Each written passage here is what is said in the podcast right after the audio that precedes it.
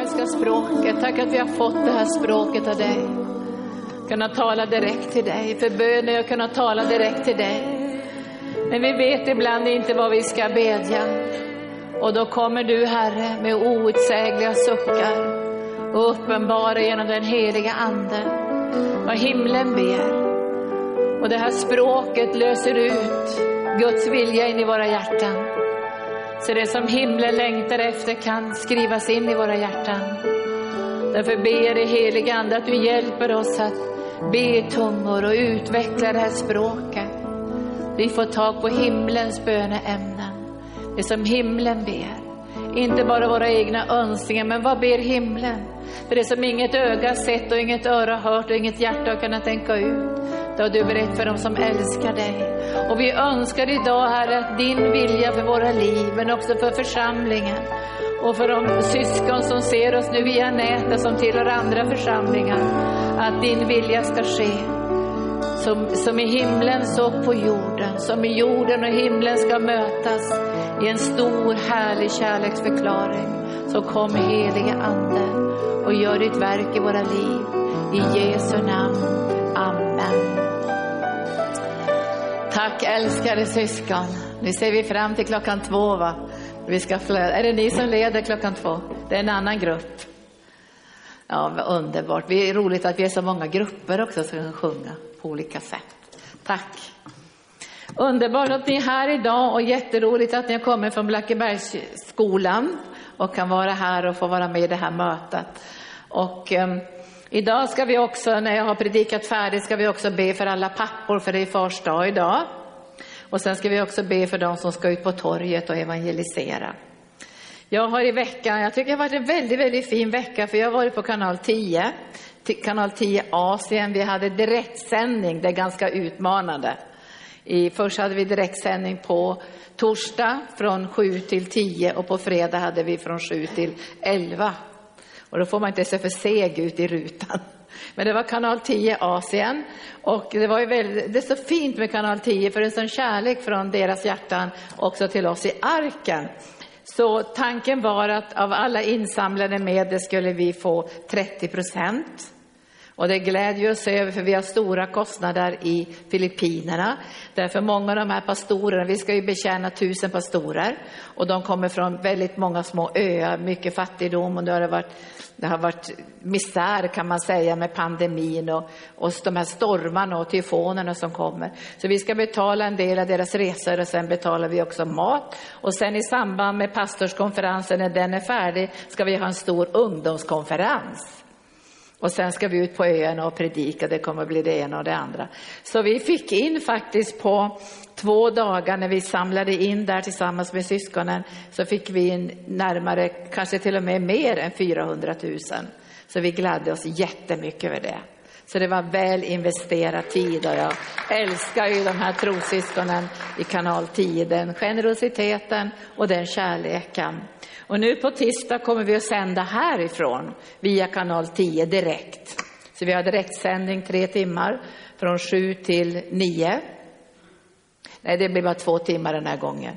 Men då kan ni titta, nu, de sänder ju inte via Länta, så ni måste gå in på deras hemsida så ser ni där hur ni genom datan får upp kanal 10. Så kan ni vara med oss och be. För vi kommer att lyfta fram retriterna, vi kommer att lyfta fram Uganda är det. Jag börjar tänka på alla möjliga länder. Uganda har vi startat ett nytt projekt med 75 barn. Så att vi har stora utmaningar men vi känner så här att himlen är öppen. Och vi är så glada också över församlingen, att det finns en sån kärlek i församlingen till det som Gud har kallat oss till. Visst är det härligt det? Alltså man blir så tacksam, så härligt Mia, man känner så här, vi älskar församlingen. Vi älskar det som Gud har kallat oss till. Och då är det ju så här att vi önskar att Guds vilja ska ske. Och jag ska faktiskt tala om bön idag, lite grann om bön. Och, och jag säger den viktigaste bönen av alla böner där man inte behöver be, ske det, jag vill veta din vilja Gud och så här. Det behöver man inte be den här bönen. Och det är bönen när vi talar om att vi älskar Jesus. Alltså det är den allra viktigaste bönen och vi kallar den för den inre bönen. Den bönen som helt och hållet fokuserar mot himlen, på Jesus och Fadern med hjälpen från den helige Ande. Den bönen älskar vi att leva i. En bön där vi inte ber, åh nu måste vi få pengar till missionen, nu måste vi få pengar till det här. Det finns inget sånt, eller nu måste du hjälpa mig Gud med mina relationer. Utan det är en bön där vi bara älskar Jesus. Bara älskar honom. Alltså där tänker jag inte en halvtimme, jag tänker kanske du kommer in i flera timmar. Du känner att jag måste bara älska honom. Alltså det är, det är en bön som är den viktigaste bönen som bereder våra hjärtan att kunna be sunt och kunna be i tro och kunna be utifrån hans löften. Och jag tror att just den bönen, älska Jesus-bönen, det är nog det, det vackraste som himlen längtar efter. Och när man glömmer bort den bönen, då blir allt man gör för Gud jobbigt. Alltså det blir, det blir lite lagiskt och utmanande och pressande. Men Jesus säger ju att vi ska tillbedja och tjäna. Inte tjäna och tillbedja, utan tillbedja och tjäna. Så allt som Jesus gjorde utgick ifrån den andliga kärleksrelationen med Fadern. Så ta tid att älska Jesus. Och känner ni då att och jag har inte ord, jag, jag skulle vilja säga det hundra gånger att jag älskar dig Jesus. Då ska du säga så här, kom helige ande och hjälp mig. För det, han är ju hjälparen. Och den heliga ande ska hjälpa oss att älska Jesus, förhärliga Jesus, vittna om Jesus. Så att anden kommer och hjälper dig. Och sen kan du komma in i en sån underbar så att säga, dimension av den heliga ande, att det blir tyst. Och det var någon som sa, men den här tysta bönen, tycker du inte att den är jobbig Linda? Jag älskar den tysta bönen, för då vet jag att allt är bra mellan mig och Gud. Alltså det, allt är bra. Alltså när jag, när jag sitter där inför honom så känner jag bara, allt är bra. Han säger inte, nu måste du sluta med det där, nu måste du tänka på det där och nu måste du be för det där. Utan det är bara en kärlekens mättnade, eller mättade, underbara tystnad där jag känner, allt är väl. Allt är bra. Vi har inga konflikter, jag och Jesus. Allt är på den rätta platsen och bara sitta och njuta av hans närvaro. Det är den rätta grunden för bön. Att kunna be sen efter Guds vilja och få sina behov mötta och få församlingens behov mötta. Men det börjar i den här kärleksrelationen. Så var rädd om tungotalet. Var rädd om tungotalet. För Bibeln säger ju, vi vet inte alltid vad vi ska bedja om, men anden manar med outsägliga suckar. Vi får hjälp genom den helige ande. Så att när jag, när jag predikar varje gång eller ber för människor, då vill jag veta vad ber Jesus för någonting. För det står ju i Bibeln att han sitter på Faderns högra sida och ber för oss. Han har gått in i det allra heligaste och manar gott för oss. Och det är väl intressant att veta, vad ber han? Och när man får kontakt med himlen så börjar man få tag på hans bönämnen och det blir mycket mer fridsamt, eller hur? Det blir inte liksom stressiga böner och oroliga böner och kommer vi få, kommer vi få bönesvar, utan då kan vi be utifrån trons vila. Därför alla Guds löften, och nu börjar jag med den bibeltexten i andra Korinthierbrevet, om du vill slå upp det så, så är det fantastisk text det här. Andra Korinthierbrevet kapitel 1 och så är det i versen 20. Därför när vi ber, och vi pratade om det när jag var på kanal 10, att man kan inte bara be hur som helst. Man måste be utifrån löften som Gud har gett. Alltså man måste veta vilka löften kan jag stå på? Därför du och jag ska ju vara frimodiga i vår bön, eller hur? Vi ska inte undra, kommer jag få bönesvar och kanske han ändrar sig? Utan Gud ändrar sig aldrig. När han har gett ett löfte, då är det inte skrivet med, med tuschpenna, det är skrivet med Jesu blod. Så alla Guds löften är undertecknade med Jesu blod. Och det som Jesus säger är att allt det jag har lovat är betalt och färdigt. Och därför kan vi med frimodighet gå fram till nådens tron och förvänta oss bönesvar utifrån hans löften. Och då står det 1 och 20. Alla Guds löften har i Jesus eller i honom fått sitt ja. Och då måste ju du och jag ta reda på, på löftena. Finns det löften om hälsa? Finns det löften om goda relationer? Finns det löften om, om ekonomi? Finns det löften om, om framtiden? Vi måste veta vad säger Guds ord? För vi ska ju stå på Guds löften när vi ber. För utan Guds löften blir vi osäkra. Visst är det så? Man vet inte riktigt. Och då säger Herren så här, alla Guds löften har i Jesus fått sitt ja. Därför får de också genom honom sitt amen. För att Gud ska bli ärad genom oss. Alltså Gud ger amen. Jag, jag, jag vet ju att många gånger vet man inte vad amen är för någonting. Man tänker äntligen är mötet slut, amen, nu går vi hem. Men egentligen betyder amen, låt det ske. Alltså det är Guds bekräftelse från himlen. Låt det ske. Så Gud är på vår sida och önskar ge oss bönesvar. Alltså Gud önskar bönesvar.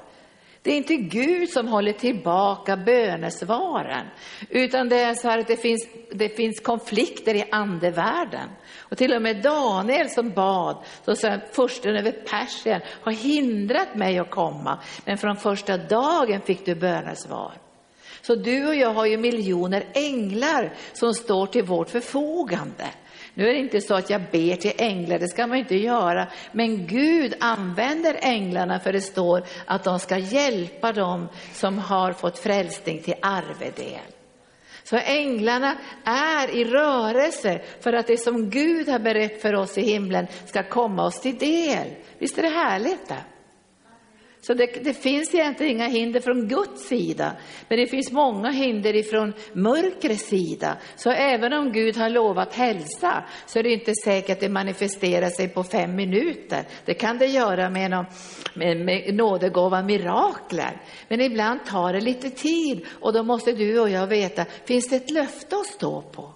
Finns det ett amen från himlen? Så amen är Guds så att säga, kärleksförklaring. Ske allt så, låt det ske, för att Gud ska bli ärad igenom oss. Så när vi får bönesvar så blir Gud ärad. Alltså han blir upphöjd. Det är som att Gud säger att allt det jag har gett genom Jesus har kommit mitt folk till del. Det är klart att Gud blir ärad. Eller hur? Så han längtar efter att ge dig bönesvar. Och jag ska visa på några sådana ställen så du börjar få en förväntan. För ibland har man känt att det är så mycket motstånd och det bryter inte igenom. Men då måste man veta, vad säger himlen? Säger himlen ja med alla löften, då har du det du har bett om innan du har sett det. Och jag brukar berätta det här ibland, hur, hur osäkert det är med människors löften. Jag tycker om löften.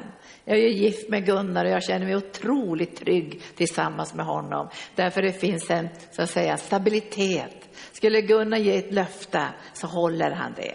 Om inte han skulle bli sjuk eller det händer någonting. Men Gud blir ju aldrig sjuk. Det är ju ingen begränsning hos Gud. Så därför vet du och jag att när vi har bett om någonting så har vi det redan innan vi har sett det. Och jag, jag brukar berätta för er om det om den där lilla flickan, det är en släkting till mig, när hon var liten så hade en pappa som var väldigt alkoholiserad och gav löften hela tiden, för han ville ge löften. Han älskade sin flicka. Och när hon skulle fylla, jag tror det var sju eller sex hon skulle fylla, jag kommer så väl ihåg det där, när, när hon hade en längtan att få den här röda cykeln. Röda cykeln skulle hon få. Och så kom han hem, jag var ju där då. Så sa han, du ska veta, sa han, att den där röda cykeln, den ska du få när du fyller år. När du vaknar på morgonen så kommer cykeln att stå bredvid sängen. Och jag visste, det kommer inte bli någon cykel. Han håller aldrig sina löften. Och det här, jag kommer ihåg att det här blev så djupa sår i henne. Det var en flicka som jag tog hand om ganska mycket sen när hon var liten. Men jag tänkte mycket på det där. Gud är inte på det sättet. Alltså vi måste veta det, även om bönesvaren dröjer på grund av omständigheter, därför det måste ju materialisera sig, så måste vi veta att det som Gud har lovat, det tillhör oss genom Jesus Kristus. Och då kan det hända något i våra liv, att vi kan börja tacka innan vi har sett det. Visst är det bra det? Alltså vi kan börja tacka för saker innan vi har sett det. Och då kan den helige ande visa oss bönesvaret genom hjälpen, så vi ser bönesvaret. Den här flickan såg ju den röda cykeln ända tills hon på morgonen, hon såg den ju redan, alltså i sitt hjärta. Och gick och skröt till kamraterna, min pappa han ska ge mig en röd cykel. Så du kan skryta också över din himmelska pappa, att han kommer att ge dig det som du behöver. Och inte bara att han säger amen, nu måste ni se det är ännu värre det här, eller bättre ska man säga. Då står det i andra Korinthierbrevet 1 och 21, det är Gud som befäster oss och er i Kristus och som har smort oss. Alltså Gud befäster det. Det är Gud som gör att du blir stabil, förstår du. För annars vacklar vi ju hit och dit och blir det någonting, blir det ingenting. Utan Gud befäster dig så att din tro blir förankrad i Guds löften. Visst är det bra det jag säger idag? Alltså du måste veta Guds löften och jag tror att vi måste börja läsa våra biblar ordentligt igen. Jag läste någon artikel att kristna slutar läsa biblarna. Det är klart vi ska kunna hela bibeln och du ska kunna den egentligen nästan helt utan till. Inte helt utan till, men du ska veta vad står det i Jesaja, vad står det i Jeremia, vad står det i krönikeboken. Alltså för att du ska veta vad Guds ord säger. Därför det är massor med löften i gamla testamentet och det är löften i nya testamentet. Och alla Guds löften i gamla testamentet är uppfyllda i Jesus Kristus. Och Gud ljuger inte, han håller inte tillbaka, han vill inte göra oss besvikna. Men det finns en andevärld och det finns en tid ibland innan det som är givet blir synligt. Jag skulle önska att allt blir synligt på fem minuter, men jag vet att många gånger är det en trons vandring som vi får göra. Men Gud befäster oss i Kristus och han har smort oss, och så står det i 22 versen, han har även satt sitt sigill på oss och gett oss anden som en garant i våra hjärtan. Alltså Gud garanterar med sitt sigill och sin ande kan han göra mer. Det går inte att göra så mycket mer. Och så hjälper han oss att se genom andens ögon att det här vill jag ge dig. Och han ger, alltså ibland har jag tänkt så här, om man nu möter en andlig bebis som börjar be, jag skulle vilja ha det här och det är ungefär som att ge en Cadillac till en bebis och den får hålla i nycklarna. Alltså det är inte riktigt så att allt kommer oss till del i hundrafaldigt innan vi kommer till mognad. Men vi börjar vandra tillsammans med Gud och ibland är det trettiofaldigt, det är sextiofaldigt, men vi är på väg in i det som är den fulla manifestationen av Guds löften. Och jag har känt i min ande, jag vet inte, jag är så glad alltså, vi är på väg in i mirakeltiden, vet ni det? Vi är på väg in i en tid när vi kommer få se de stora miraklerna. Och jag har sett så många kraftfulla manifestationer den sista tiden när jag varit ute på kallelser. Jag var ju nyligen på Island och Norge och andra ställen. Kraftfulla genombrott, manifestationer av den heliga ande. Att Gud kan hela människor på fem minuter. Man står helt skakad. Alltså det psykiater, psykologer inte kunna göra på år och dagar, det kan Gud göra genom den helige ande utifrån sitt löfte. Att genom mina sår har ni fått helande. Tycker du om det här? Tycker, tycker du om min predikan idag, Torbjörn? Det här gillar du va? Vi ska se genom den helige ande. Och nu kommer vi till det här löftet att vi ska se. Gud hjälp mig att se. Och det här är en hjälp genom den heliga ande. Inom, inom österländsk andlighet så har man olika så att säga, tekniker för att se. Och man brukar kalla det för positivt tänkande. Och man kan säga så här, jag är rik, jag är rik, jag är rik, jag är rik, nu ser jag att jag är rik, jag är rik. Det, det är new age-grejer. Du och jag måste se genom Guds ande, genom Guds löften. Genom Guds löften målar den helige ande upp det som tillhör oss. Visst är det så? Och då kan du med frimodighet bekänna dig till ett löfte eller flera löften. Och då säger Herren i första Johannes brev, så fantastiskt ord det här. Tack Jesus, i kapitel 5 och versen 14. Det här är trons tillit. Tro är ju en tillit, eller hur? Det är en visshet. Det är inte tvivel eller undran, har jag varit snäll nog eller har jag varit snäll nog? Det är en väldigt dum tanke. Du kan aldrig vara snäll nog att få bönesvar. Gud har varit snäll nog i Jesus Kristus, därför får du bönesvar. Därför Gud har gjort allt i Jesus Kristus som du behöver.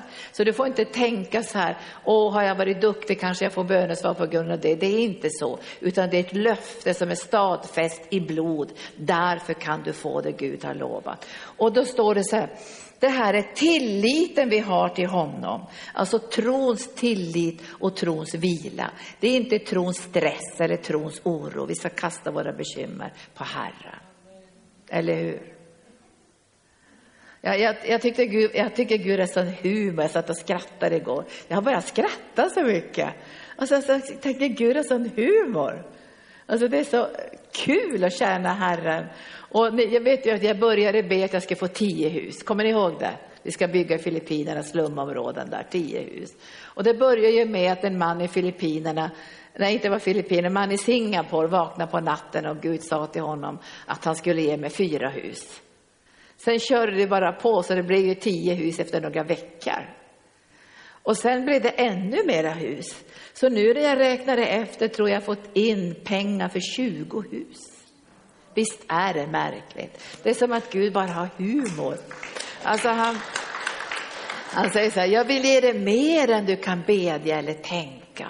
Är det vår Gud?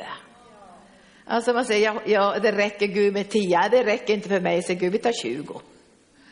Alltså det, det verkar som att Gud vill på något sätt övervälsigna dig för att du ska veta att Gud är god.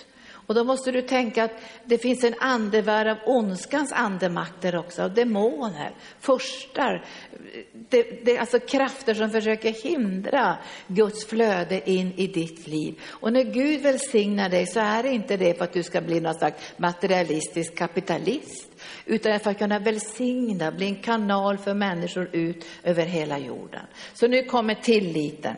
Det är den tillit vi har till honom. Om vi ber efter hans vilja så hör han oss. Och nu kommer kanske din undran, vad är hans vilja? Det sa vi, det uttrycks genom Guds löften såklart, det är det viktigaste.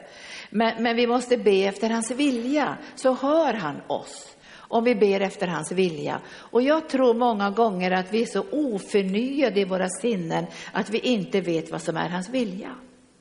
Alltså vi är oförnyade. Så vi har felaktig bild av Gud, vi har felaktig bild av hans löften, vi kommer från ett fattigdomstänkande, vi kommer från svåra, svår bakgrund där vi har blivit plundrade av mörkrets makter.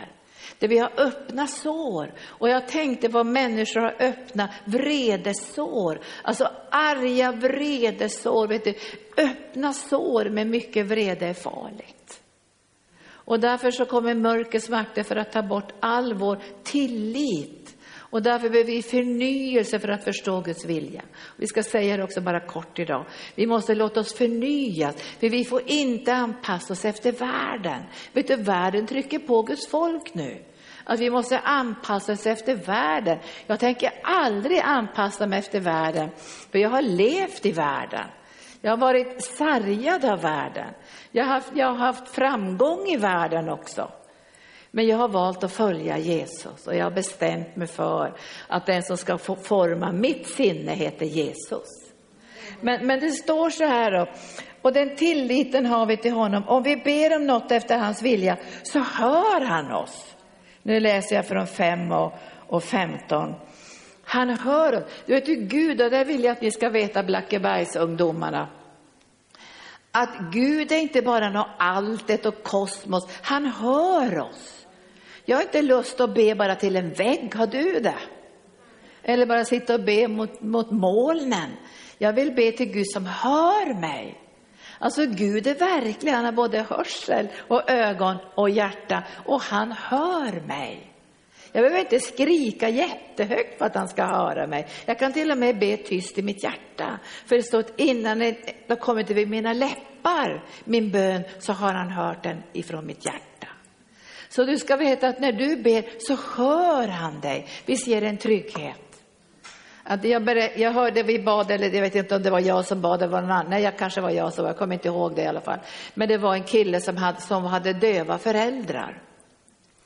Och han hade sånt trauma när han växte upp och han visste inte varför han hade ett sånt trauma. Jo, därför att han låg och grät i sängen och de hörde det inte. Så de försökte hitta vägar att kunna veta när den här bebisen grät, för de hörde inte det. Och när han växte upp så hade han sånt trauma att han hade bara som en sorg i sitt innersta, att det var ingen som hörde honom. Och hans föräldrar kunde ju inte höra honom, försökte de ju hitta vägar att göra det. Men Gud hör dig, han hör din viskning. Det står till och med att vi åberopar hans namn så är vi frälsta. Gud hör oss. Tänk på det här nu när du står på ett Guds löfte, när du har fått ta på Guds löfte och så ber du till Gud, så hör han dig. Så han lyssnar på dig. Han hör det. Alltså det här är så vackert. Alltså att, jag ser ju ibland föräldrarna som inte lyssnar på sina barn, de sitter och lyssnar på mobiltelefonen istället. Alltså jag har sett det när jag gått, ut och gått med hunden. Så sitter barnen i barnvagnen och skriker och så går mamman eller pappan och pratar i telefonen. Så man är inte närvarande. Jag ska säga till dig, Jesus heter Herren den närvarande. Han hör dig. Och nu är det flera här som behöver veta det just nu, att han hör dig. Han hör det. Flera av er här. Han hör dig. Och så nu kommer de här löftesorden. Och om, han, och om vi vet att han hör oss, vad vi än ber om, då vet vi också att vi redan har det vi har bett honom om. Nu läser jag bara rakt upp och ner vad Guds ord säger. Om han hör vad vi än ber om, då vet vi också att vi redan har det vi har bett om. Och då kan vi börja tacka innan vi har sett det. Och vi kan börja överflöda i tacksägelse. Och det är bara en tidsfråga tills det blir manifestation. Och manifestationen är ju vandringen med Gud, därför att vi vandrar ju tillsammans med Jesus in i vårt bönesvar och är ledda av den helige ande. Så när vi ber om ekonomi, som jag har gjort mycket för missionen och så, då tar jag emot ekonomi, men sen vandrar jag in i bönesvaret och, och Gud visar mig saker jag kanske ska göra också innan den här manifestationen kommer kanske personer jag ska ta kontakt med eller lite olika saker. Men jag har redan bönesvaret innan jag har sett det. Och sen finns det en ledning tillsammans med Gud, för vi ska ju vara tillsammans i den här bönesvarsvandringen, eller hur? Vi samarbetar ju med himlens Gud. Och det här tycker jag är så fantastiskt underbart. Vi är partner med himlen. Så vi har det vi har bett om och där kan ju djävulen sen attackera och säga, men du har väl ingenting, du har ju så ont överallt och du lever i fattigdom och du har inte ens pengar så du kan betala räkningarna. Så han är ju hela tiden anklagande, eller hur? Men Bibeln säger vi har ingen anklagelse i Jesus Kristus, ingen fördömelse. Så du måste avvisa de sakerna och hålla fast vid att Gud är god. Och nu ska vi läsa om det här förnyelsen av sinnet. Jag vill inte anpassa mig efter världen. Jag har lämnat världen faktiskt. Och det, det, det var ju tryck på 70-talet, var det ju tryck och 80-talet var det tryck och 90-talet tryckte världen på och nu trycker den på igen. Men inte böjer vi väl oss för det? Eller vad säger ni? Vi har ju böjt oss under Guds mäktiga hand, ödmjuka under Guds mäktiga hand, som ska Gud upphöja dig. Så att att förstå Guds vilja, jag ska, jag ska, inte säga kräver, men du måste be om förnyelse i tankarna och du får inte vara rädd för människor.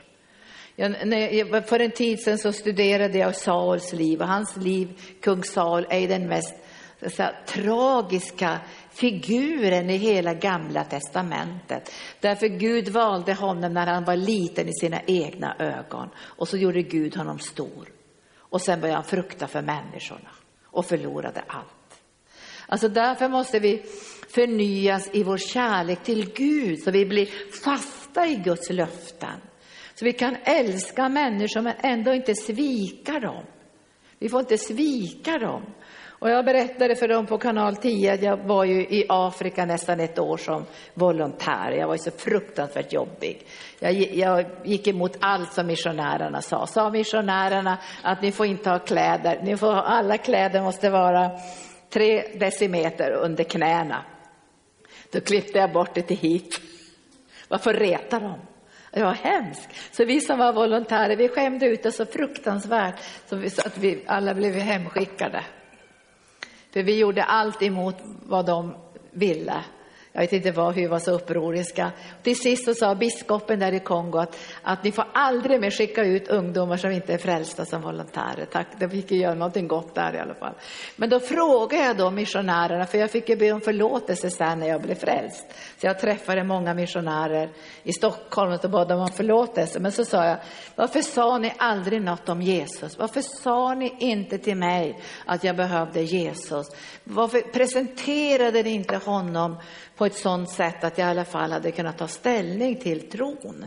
Och då sa de så här, nej vi, vi, vi, det, du var för jobbig sa de, du var för jobbig. Och ibland är människor jobbiga, men vi ska ändå presentera Jesus för dem med kärlek så de får ta ställning till honom. Men nu läser jag härifrån Romarbrevet kapitel 12. Du måste kunna pröva Guds vilja. Alltså du måste pröva, är det här Guds vilja? Och då måste vi först och främst bära fram våra kroppar som levande och heliga offer.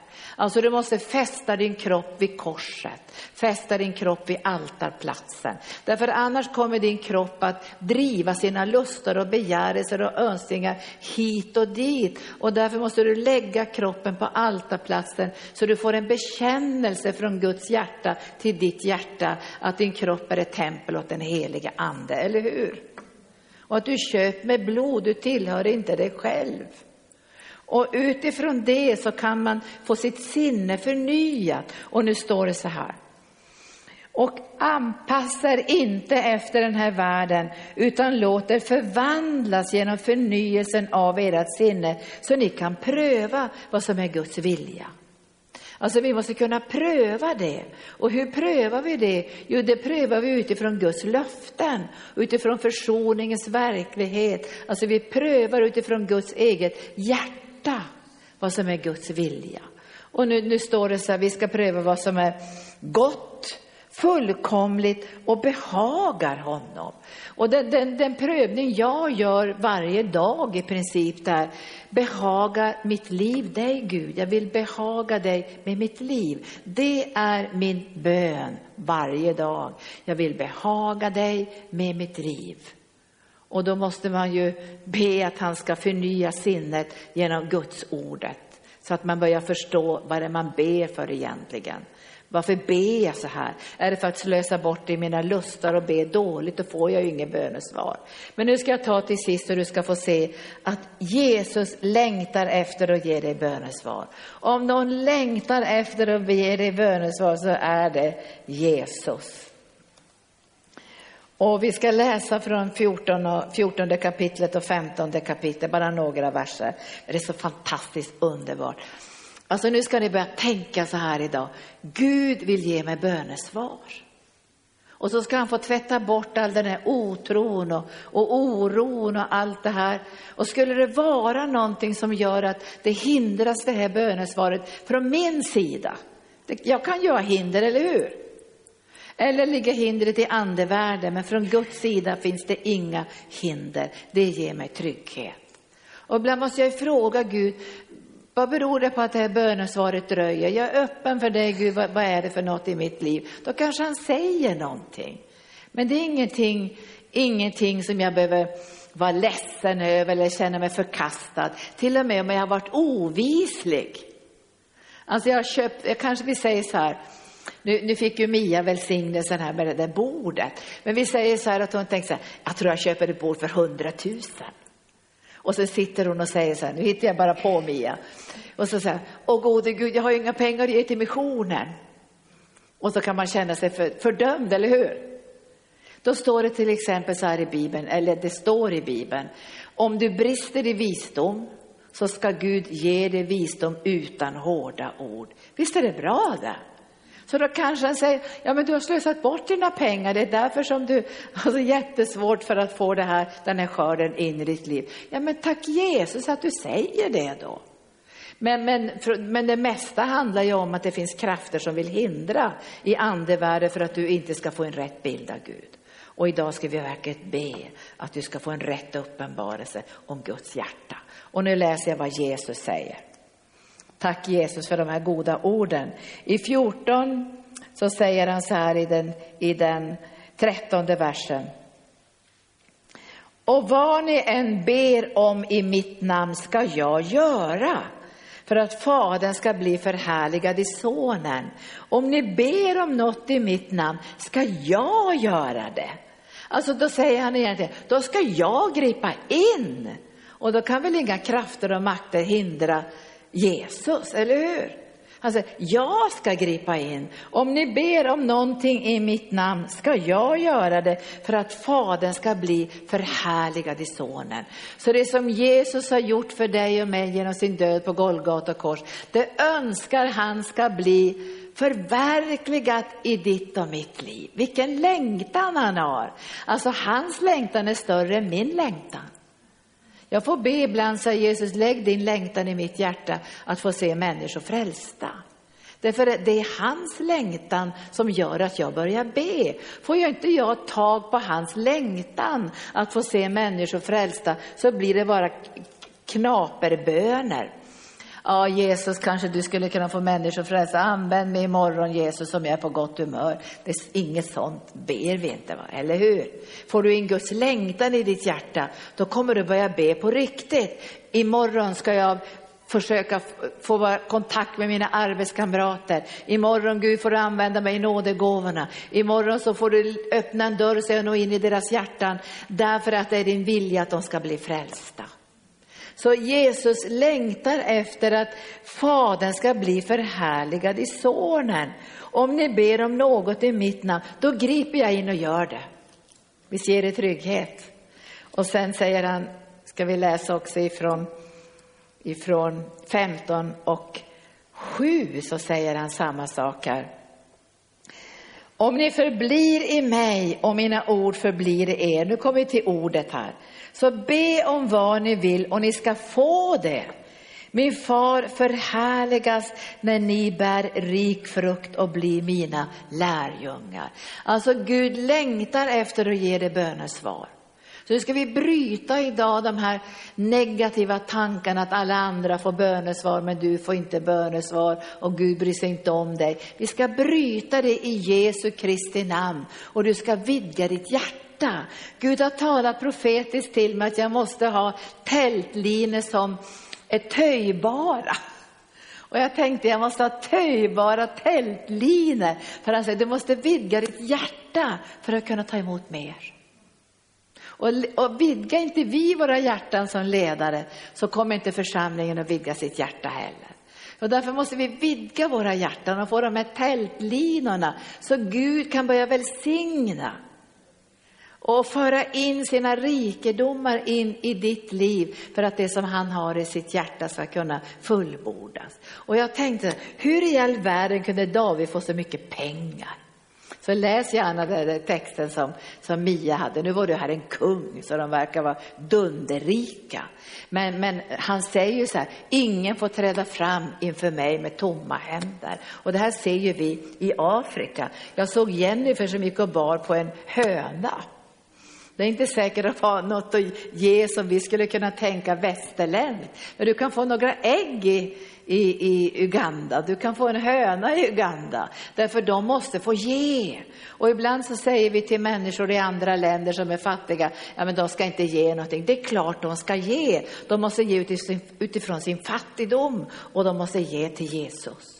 Och jag såg en kyrka också i Afrika, de kastade tuggummi på. De hade bara tuggummi, så de kastade tuggummi inför Herrens ansikte. Så det finns alltid någonting som du och jag kan ge till Herren. Så han säger så här, om vi förblir i ordet så, så, ska ni bära rik frukt och bli hans lärjungar och be om vad ni vill och ni ska få det utifrån Guds löften. Och till sist så läser jag ifrån versen 15.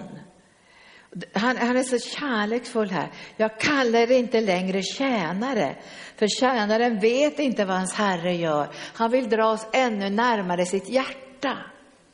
Därför han vill att vi ska få del i hans godhet och kärlek. Och han säger, för, för ni, har inte, ni, ni har inte utvalt mig, utan jag har utvalt er. Och det här tänker jag ofta på i mitt eget liv. Jag har inte utvalt Gud, det har jag trott ibland att jag som utvalde Jesus. Det har jag inte gjort. Han har utvalt mig. Medan jag låg i min moders liv så utvalde han mig. Och han kallade på mig. Jag vet om att jag är utvald av Gud. Och då måste jag tänka till vad då? Nu är jag utvald till att vara pastor och tjäna på det här sättet. Men jag är utvald av Gud och det fyller mig med Guds fruktan. Jag är utvald av Gud och min bön är till vad då, på vilket sätt så jag kan be. Och när jag ber för er så ber jag stora böner. Jag ber stora böner. För om Gud kan ge stora bönesvar till dig, då blir vi starka tillsammans. Eller hur? Jag ska inte och ge dem en skorpa. Jag nöjer mig med en liten smula under bordet. Det är inte det du ska nöja dig med, utan det här tar vi emot tillsammans. Jag kommer ihåg när Henry Hind var här, eh, det, det, det är en kändis som var här och skulle eh, predika här på den här platsen. Och jag fick den mest fantastiska profetia. Alltså det var en så fantastisk profetia. Så jag tänkte så här, jag lyfter tänker jag. Jag lyfter och försvinner från arken. Så kan man ju tänka när man får en fantastisk profetia som är så häftig så man tänker, nu lyfter jag, jag får vingar som örnen och ni ser inte röken av mig nästa vecka. Nej, det är inte så. Utan då tänkte jag så här, vad underbart att jag fick den här profetian, för den är till arken. Det här är inte min profetia. Jag häller ut den här profetian som ett drickoffer inför Herrens ansikte så att den kommer församlingen till del. Det är så du ska tänka också. När Gud börjar välsigna dig så tänker du, nu kommer mina syskon att få del av det underbara och härliga som kommer via bönesvaret in i mitt liv. Så, så ska vi tänka. Att det inte, så att det inte bara blir något så här, jag och jag och mitt, utan det här gör vi tillsammans. Och jag tror Gud kommer att sätta på högtalaranläggningen från himlen också, så att han kan göra ännu mer i våra liv. För vi har inte utvalt honom, utan han har utvalt oss.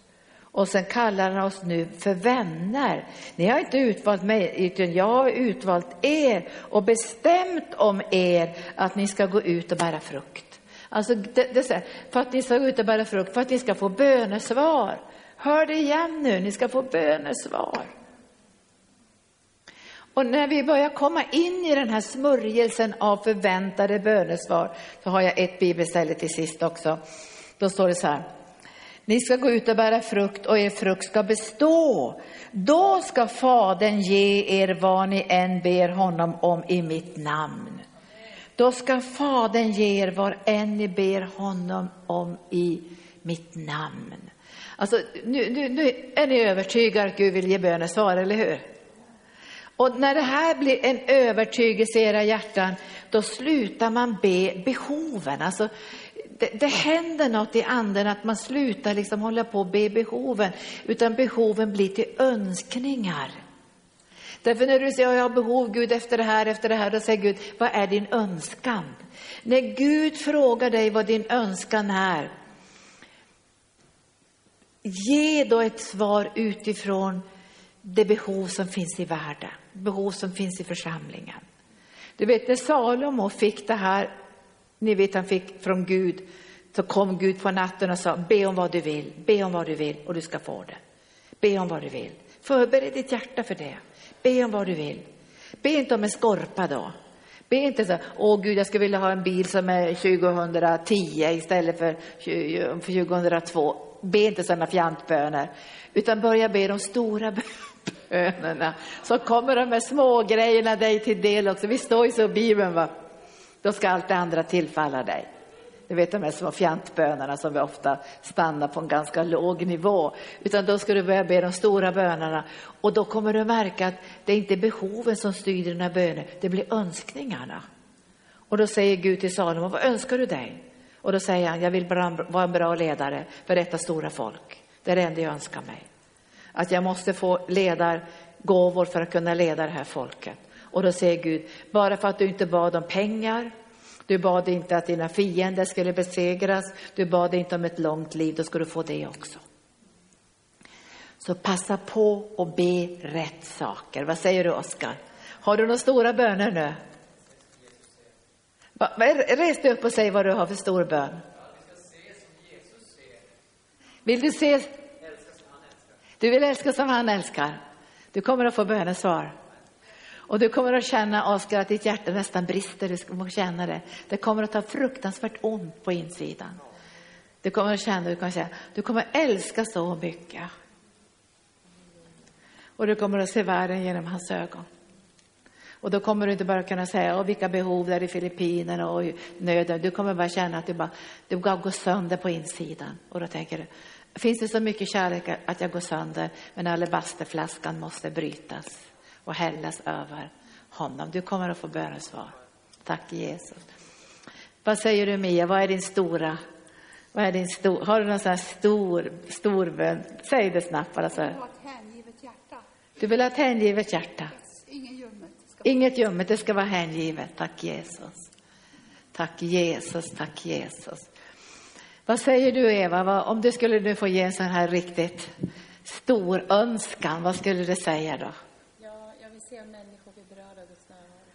Se människor berörda av Guds närvaro. Tror du de kommer få bönesvar? De som kommer få bönesvar. Jag träffade en man i Norge nu, så jag blev så gripen i mitt hjärta för att han, han var så fruktansvärt sjuk. Alltså han hade det var skador i hela nacken och de skulle operera honom. Men det var, det var, det var så stora skador att de, de fick inte in honom i han skulle vara i en ställning. Och då var han tvungen att skjuta upp den här operationen. Han var ju helt deprimerad, han var helt handikappad. Och när han var i Norge så sa han, Gud vad ska jag göra, vad ska jag göra, jag måste få helande. Och då sa Gud så här, åk till arken. Va? Så åk till arken.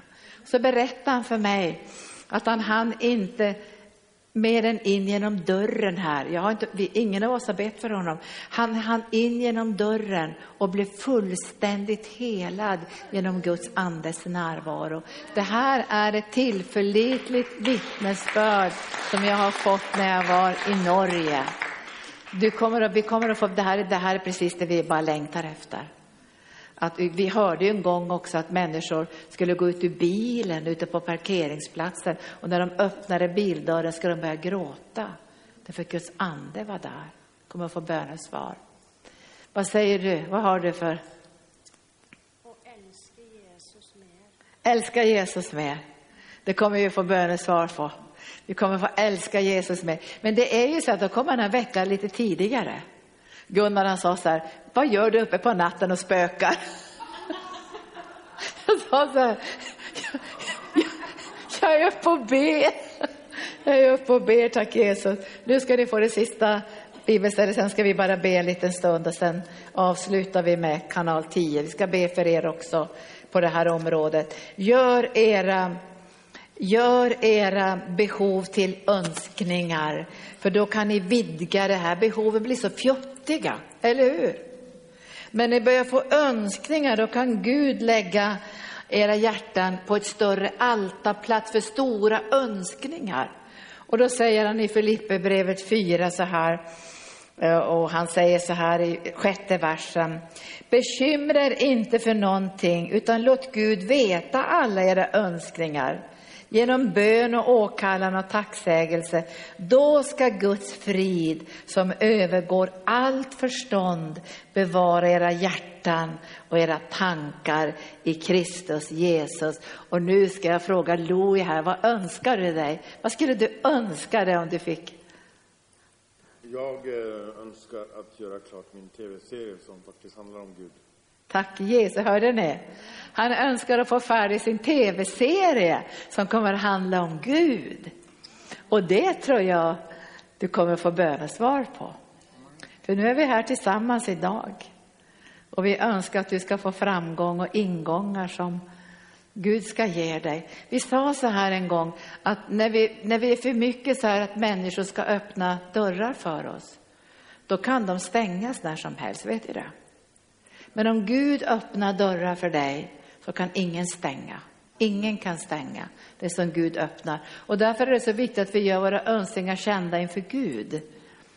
Vi får ju berätta för varandra också önskningarna, men jag tycker det viktigaste är att vi får berätta dem för Gud.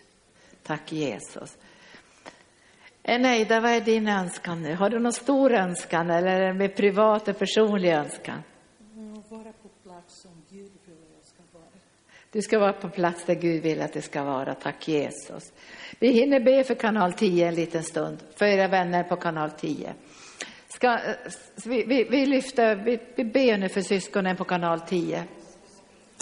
Och vi bara ber här att du bara rör deras hjärtan och att du längtar efter att ge dem bönesvar. Du längtar att beröra deras hjärtan så de ska veta idag att du längtar efter att få möta deras behov. Att du inte är långt borta, att du inte är lomhörd och inte bryr dig om när de, när de ber, du hör dem. Och du säger att när de har bett så har de vad de har bett om innan de ens har sett det och kan börja tacka. Och jag ber för syskon nu som känner att men Gud har glömt bort dem. Han säger, jag har inte glömt bort det, säger Herren. Jag har inte glömt bort. Jag har inte glömt bort det. De här lögnerna att jag ska ha glömt bort det, det är inte sant. Så nu löser jag dig nu i namnet Jesus från alla de här lögnerna Gud är långt borta. Han är nära de som har ett förkrossat hjärta. Han är nära dem som har en bedrövad ande. Om du nu idag känner dig bedrövad och sorgsen så är han nära dig och nu ska du berätta för Herren dina önskningar. Och du får önska för din familj. Du får önska för ditt liv. Du får önska också för de små sakerna.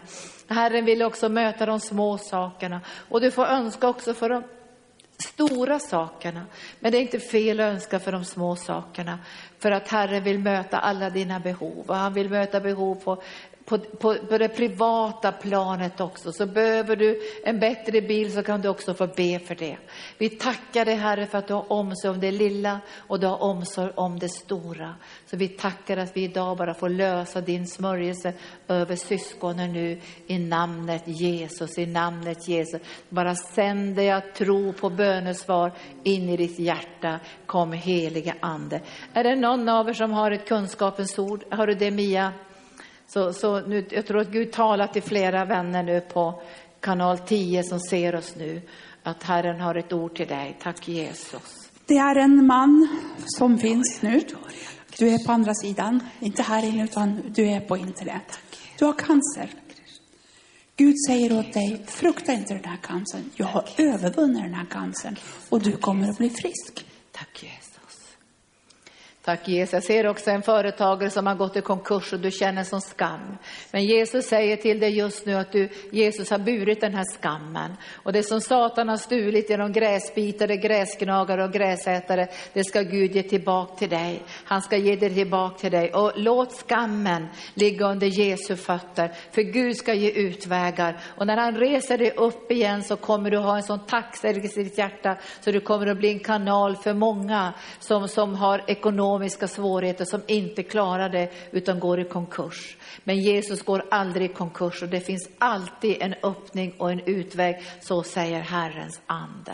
Tack Jesus, tack Jesus. Oskar, har du ett profetord? Kom fram. Du har en bön i alla fall. Du har en bön.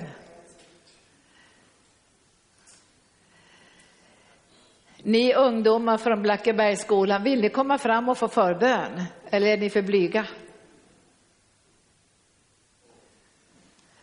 Alltså jag, så här brukar jag göra. Om jag nu ska ta fram er så får ni komma fram och så lägger jag handen på er. Vill ni det? Ja, men kolla nu, Oskar. Ja, tack, Jesus. Jesus. Här kommer frimodiga ungdomar från Blackebergsskolan. Ja, tack. tack Jesus. Och vi tackar dig Herre Jesus att du är här idag. Tack att du gör dig själv verklig för våra hjärtan. Det är dig som livet handlar om, Herre. Jesus, du har dött och uppstått för var och en av oss. Vi prisar dig och tackar dig. Du är en son som Gud sände för att nå oss människor. Du har sänt Guds kärlek Tack till oss var och en. tack Jesus. Och vi vill tack få möta dig just nu. Tack Jesus. Så jag ber för alla dessa ungdomar också här. Jag ber att du ska möta dem med din kärlek just nu. Och du älskar dem var och en, Herre. Tack Jesus. Halleluja. Tack Jesus. Så Tog, ni, emot, tog ni emot Jesus när ni satt i bänkarna? Jag vet inte. Men nu ska vi be att Guds kärlek bara ska fylla er och att han ska beröra er med sin riktigt, riktigt hjärta. Och då kommer Gud, då, då kommer det att hända något i era liv också. Att mycket det här dåligt självförtroende, att man inte tycker om sig själv, allt sånt försvinner. Därför då kommer man känna, jag är älskad av Gud.